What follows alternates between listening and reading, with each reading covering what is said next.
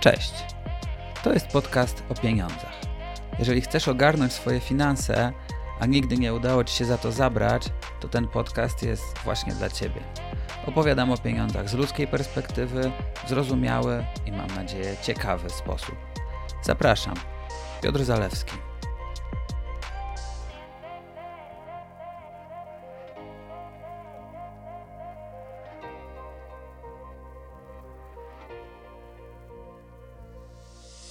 Giełda papierów wartościowych i akcje to często pierwsze, co przychodzi na myśl, jeśli chodzi o inwestowanie.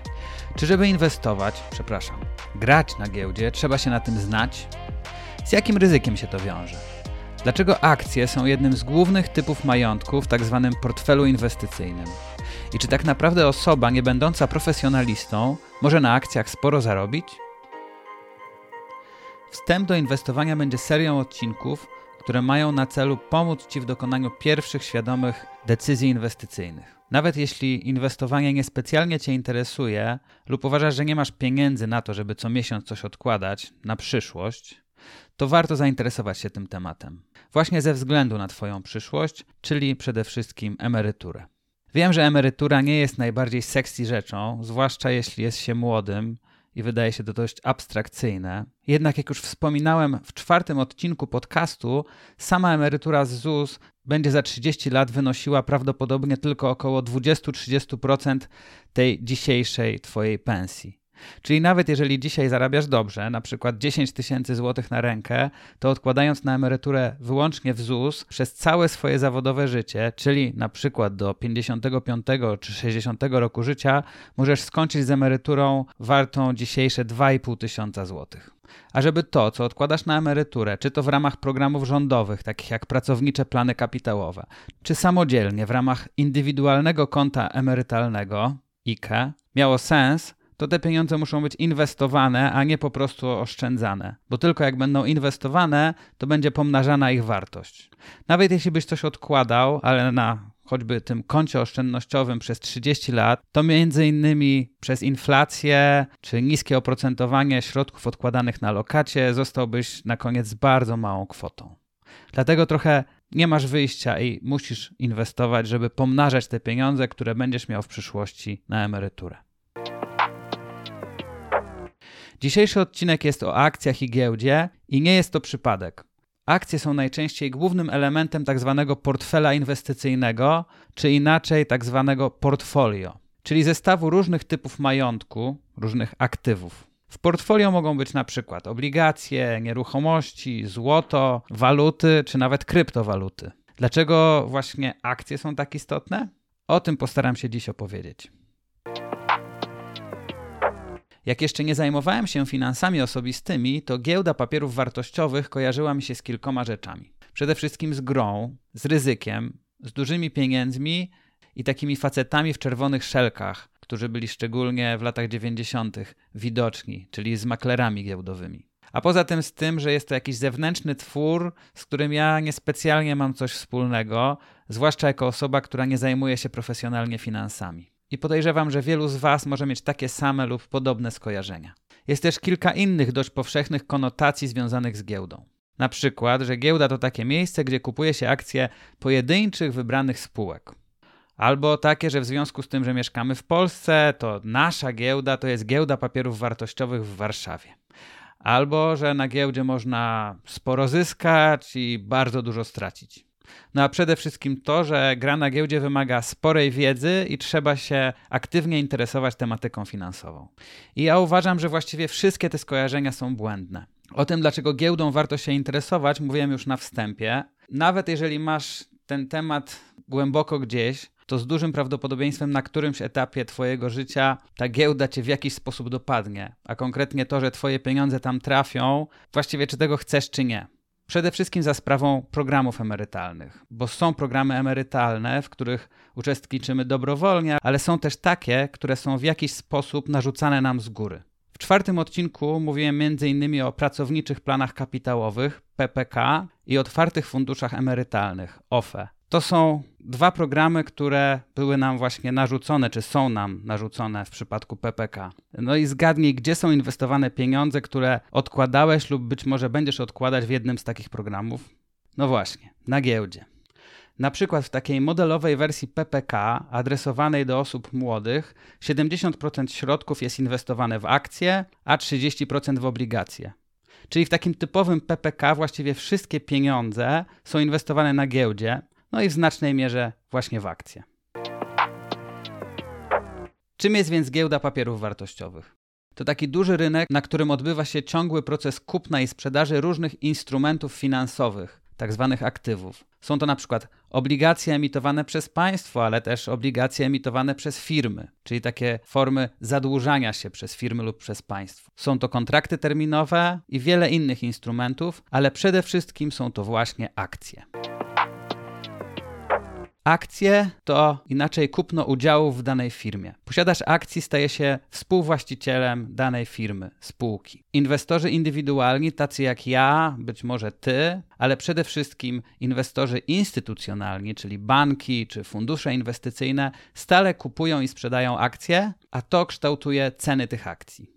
No dobrze, ale właściwie dlaczego jakaś firma w ogóle potrzebuje tych akcji? Dlaczego pojawia się na giełdzie i chce, żebyś na przykład ty został jej współwłaścicielem? Firmy najczęściej decydują się do wejścia na giełdę, gdy potrzebują kapitału, czyli dodatkowych pieniędzy, na przykład na prace badawczo-rozwojowe czy wejście na rynki międzynarodowe. Największe na świecie są giełdy amerykańskie, choćby New York Stock Exchange czy Nasdaq. Za nimi plasują się giełdy chińskie, japońskie i giełda europejska z siedzibą w Amsterdamie. I tutaj ciekawostka, według wielu historyków to właśnie w Holandii na samym początku XVII wieku powstała możliwość zakupu pierwszych akcji, czyli udziałów w firmie Dutch East India Company, i dlatego holenderską giełdę uważa się za pierwowzór wszystkich współczesnych giełd. I to jest też jedna z przyczyn, dlaczego ten dość mały kraj jest tak bogaty i tak istotny w globalnym systemie finansowym. Na giełdach na całym świecie notowanych jest kilkaset tysięcy firm. Choćby na największej amerykańskiej giełdzie jest tych firm ponad 2000, a na warszawskiej ponad 400. Żeby połapać się w tym gąszczu firm stworzono tak zwane indeksy giełdowe, czyli wskaźniki służące m.in. do tego, żeby stwierdzić jak radzi sobie dana grupa firm, na przykład o określonym profilu, albo jak radzi sobie dana giełda. Pewnie słyszałeś nazwę WIG20. WIG20 to jest właśnie indeks giełdowy 20 największych spółek na warszawskim parkiecie. Albo może obiło ci się o uszy coś takiego jak S&P 500. To właśnie indeks 500 największych spółek amerykańskich. Przyjęło się mówić, że dobra sytuacja na giełdzie, czyli rosnące ceny spółek, to wyznacznik dobrej sytuacji ekonomicznej, a zła, czyli spadające ceny spółek, że sytuacja ekonomiczna się pogarsza. Że giełda jest takim trochę odbiciem tego, co się dzieje w gospodarce. Ale nie jest to wszystko takie proste, bo giełda to taka wielka machina, gdzie ścierają się ludzkie emocje. Zachowania graczy na giełdzie często nie są racjonalne i sporo o tym mówi ekonomia behawioralna. O tej nieracjonalności decyduje wiele błędów poznawczych, ale też mody i takie podstawowe emocje jak ekscytacja czy strach. Mówi się o dwóch głównych typach rynku z perspektywy emocji i zachowań inwestorów. Tak zwany bull market, rynek byka, oznacza, że nastroje są dobre, a nawet bardzo dobre. Są jak stado szarżujących byków. Wyceny firm na giełdzie rosną, a to zachęca nowych graczy do dołączenia i do kupowania akcji, więc te wyceny jeszcze bardziej rosną. Z perspektywy emocji wygląda to tak, jakby te wzrosty miały trwać w nieskończoność. Zresztą nie przez przypadek na Wall Street znajduje się posąg szarżującego byka. On powstał w odpowiedzi na krach giełdowy w 1987 roku i miał być symbolem siły i optymizmu a samego tego terminu rynek byka używa się już prawdopodobnie od XIX wieku. No ale jest też drugi typ rynku i on już nie jest taki fajny i optymistyczny. To jest rynek niedźwiedzia. Bear market oznacza, że nastroje są kiepskie, bardzo złe. Inwestorzy pozbywają się akcji jak najszybciej, nie chcą mieć z giełdą w wielu wypadkach już nic wspólnego, bo tracą, tracą, tracą. I w większości inwestorów wydaje się już, że będzie tylko gorzej przyszłość widziana jest w bardzo ciemnych barwach. No i z tego co wiem, nigdzie, to znaczy przed żadnym budynkiem giełdy, posąg niedźwiedzia nie stoi. Także giełda jest często irracjonalna. Po wybuchu pandemii COVID-19 większość indeksów giełdowych zaliczyła w lutym, w marcu 2020 ogromne spadki. Tego się można było spodziewać. Ale mało kto przewidział, że już w sierpniu 2020 roku, czyli w samym środku pandemii, amerykański indeks giełdowy SP 500 osiągnie rekordowe wyniki i podniesie się do poziomów sprzed pandemii. Pamiętam, że wtedy New York Times napisał taki artykuł o tym, czy giełda ma w ogóle cokolwiek wspólnego z tym, co się dzieje na świecie i w gospodarce. Nikt też nie spodziewał się tak zwanego czarnego poniedziałku, czyli 19 października 1987 roku, gdzie giełdy na całym świecie zaliczyły spadki po kilkadziesiąt procent. Właśnie po tym dniu powstał ten wspomniany już posąg szarżującego byka na Wall Street. Jeszcze bardziej nieracjonalne są tak zwane bańki finansowe, czyli okresy absolutnej euforii i manii kupowania danej grupy aktywów, najczęściej akcji.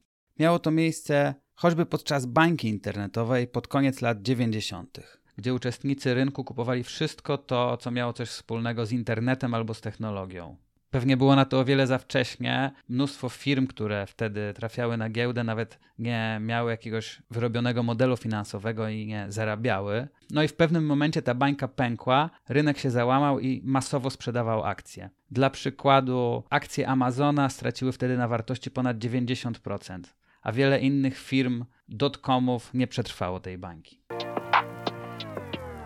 Okej, okay. czy po tym wszystkim, co usłyszeliście, uważacie, że w ogóle da się zarobić na rynku akcji? Da się i to bardzo dobrze. Tylko musisz wiedzieć, na jakiego konia postawić i jaką spółkę wybrać. Teraz wyobraź sobie, że jest grudzień 1980 roku, nie w Polsce, tylko w Stanach Zjednoczonych i możesz kupić akcję Apple, bo Apple właśnie wchodzi na giełdę. No i wydałeś na nie 1000 dolarów. Gdybyś trzymał te akcje do dziś i zdecydował się je sprzedać właśnie teraz, to te akcje byłyby warte 1,6 miliona dolarów. To jest wzrost o ponad 80 tysięcy procent. No właśnie, ale tutaj pojawiają się pytania związane z psychologią, z ludzkimi emocjami. Czy naprawdę byś te akcje tyle czasu trzymał? Czy w ogóle trzymałbyś je przez pierwsze 2-3 lata, bo mniej więcej rok po debiucie Apple na giełdzie IBM wszedł ze swoim komputerem osobistym IBM PC. Czy wtedy trzymałbyś akcję, czy wtedy byś się sprzedał? A co byś zrobiła w latach 90., gdy Apple był na skraju bankructwa, a jego akcje były jednymi z zaliczających największe spadki na amerykańskiej giełdzie Nasdaq? Czy przewidziałabyś, że Steve Jobs wróci do Apple, że powstanie iPod, że powstanie iPhone i że Apple stanie się jedną z największych na świecie firm i pierwszą firmą, która osiągnęła wycenę 3 bilionów dolarów? Albo weźmy pod lupę taki polski CD Projekt.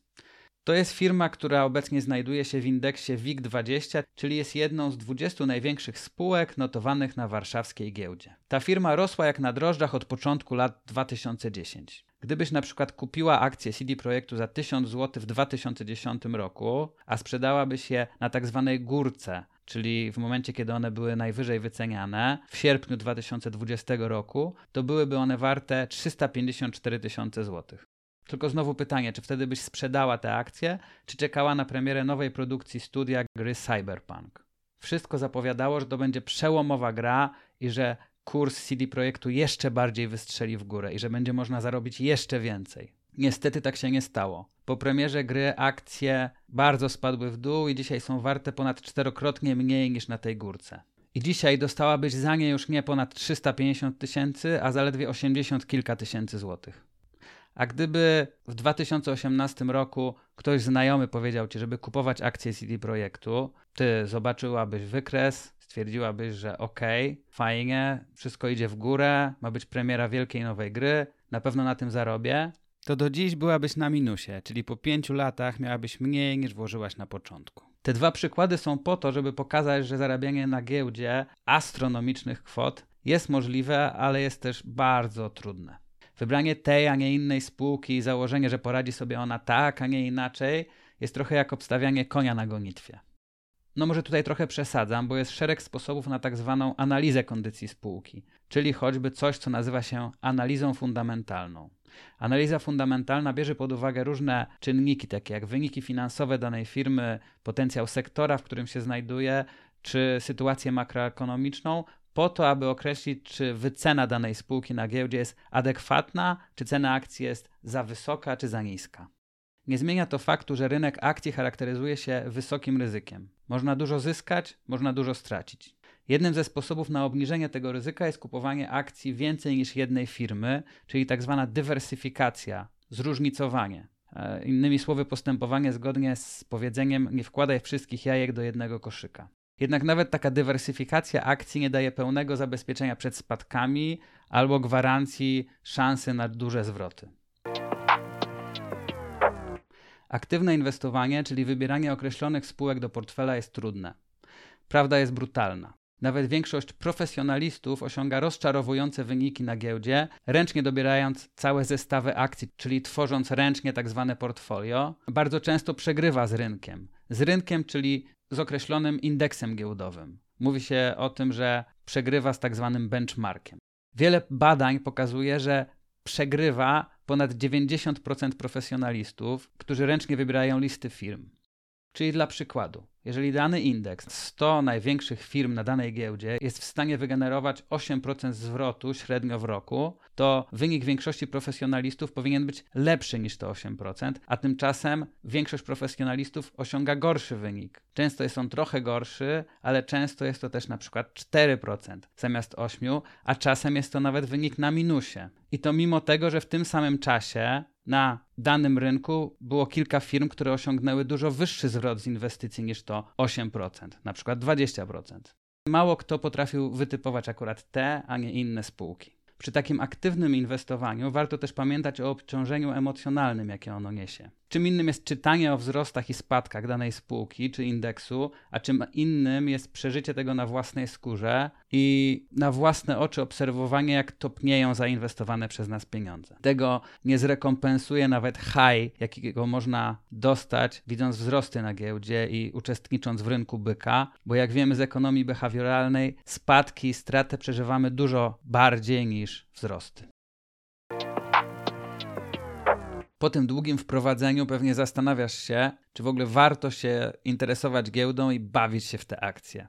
Przecież masz inne pasje i zainteresowania i nie chcesz całego swojego życia poświęcać na analizę fundamentalną, analizę techniczną, analizę nastrojów albo jakąkolwiek inną analizę. Czy giełda ma coś dla ciebie do zaoferowania?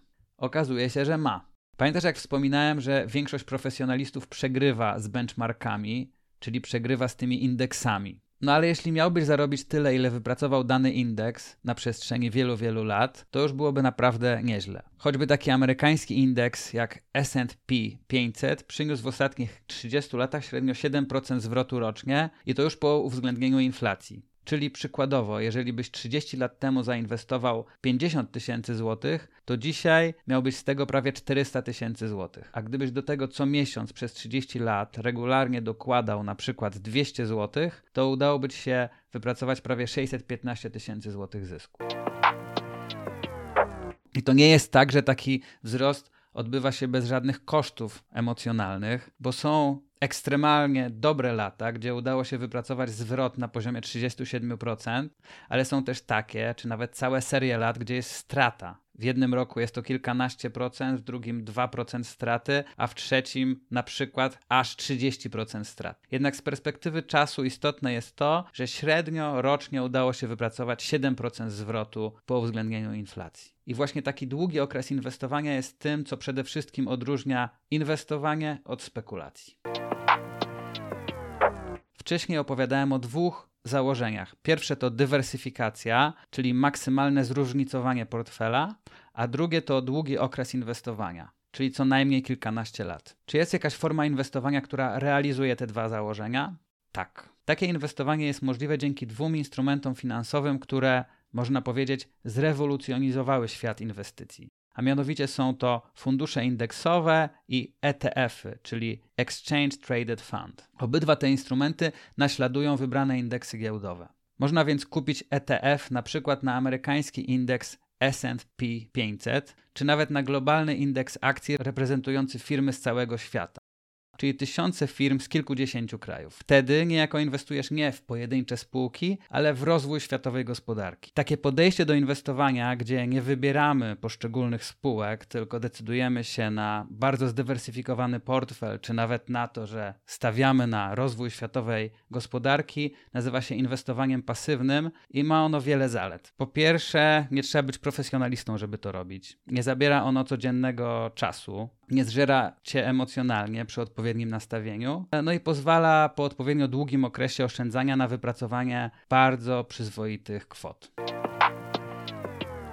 Co warto przede wszystkim zapamiętać z tego odcinka?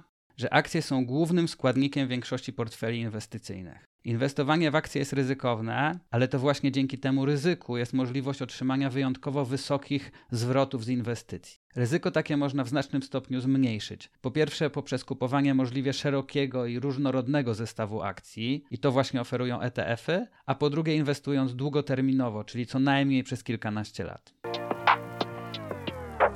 Jeśli zainteresował Cię ten odcinek, to proszę nie zabieraj się jeszcze za samodzielne inwestowanie. Na razie warto, żebyś zrozumiał pewne podstawowe mechanizmy, jakie rządzą inwestowaniem. Zamierzam nagrać więcej odcinków z tej serii. Tutaj nie poruszyłem jeszcze wielu bardzo istotnych tematów, bez znajomości których nie zdecydowałbym się na inwestowanie. A są to choćby takie tematy jak obligacje, podejście do ryzyka czy zdywersyfikowany portfel inwestycyjny.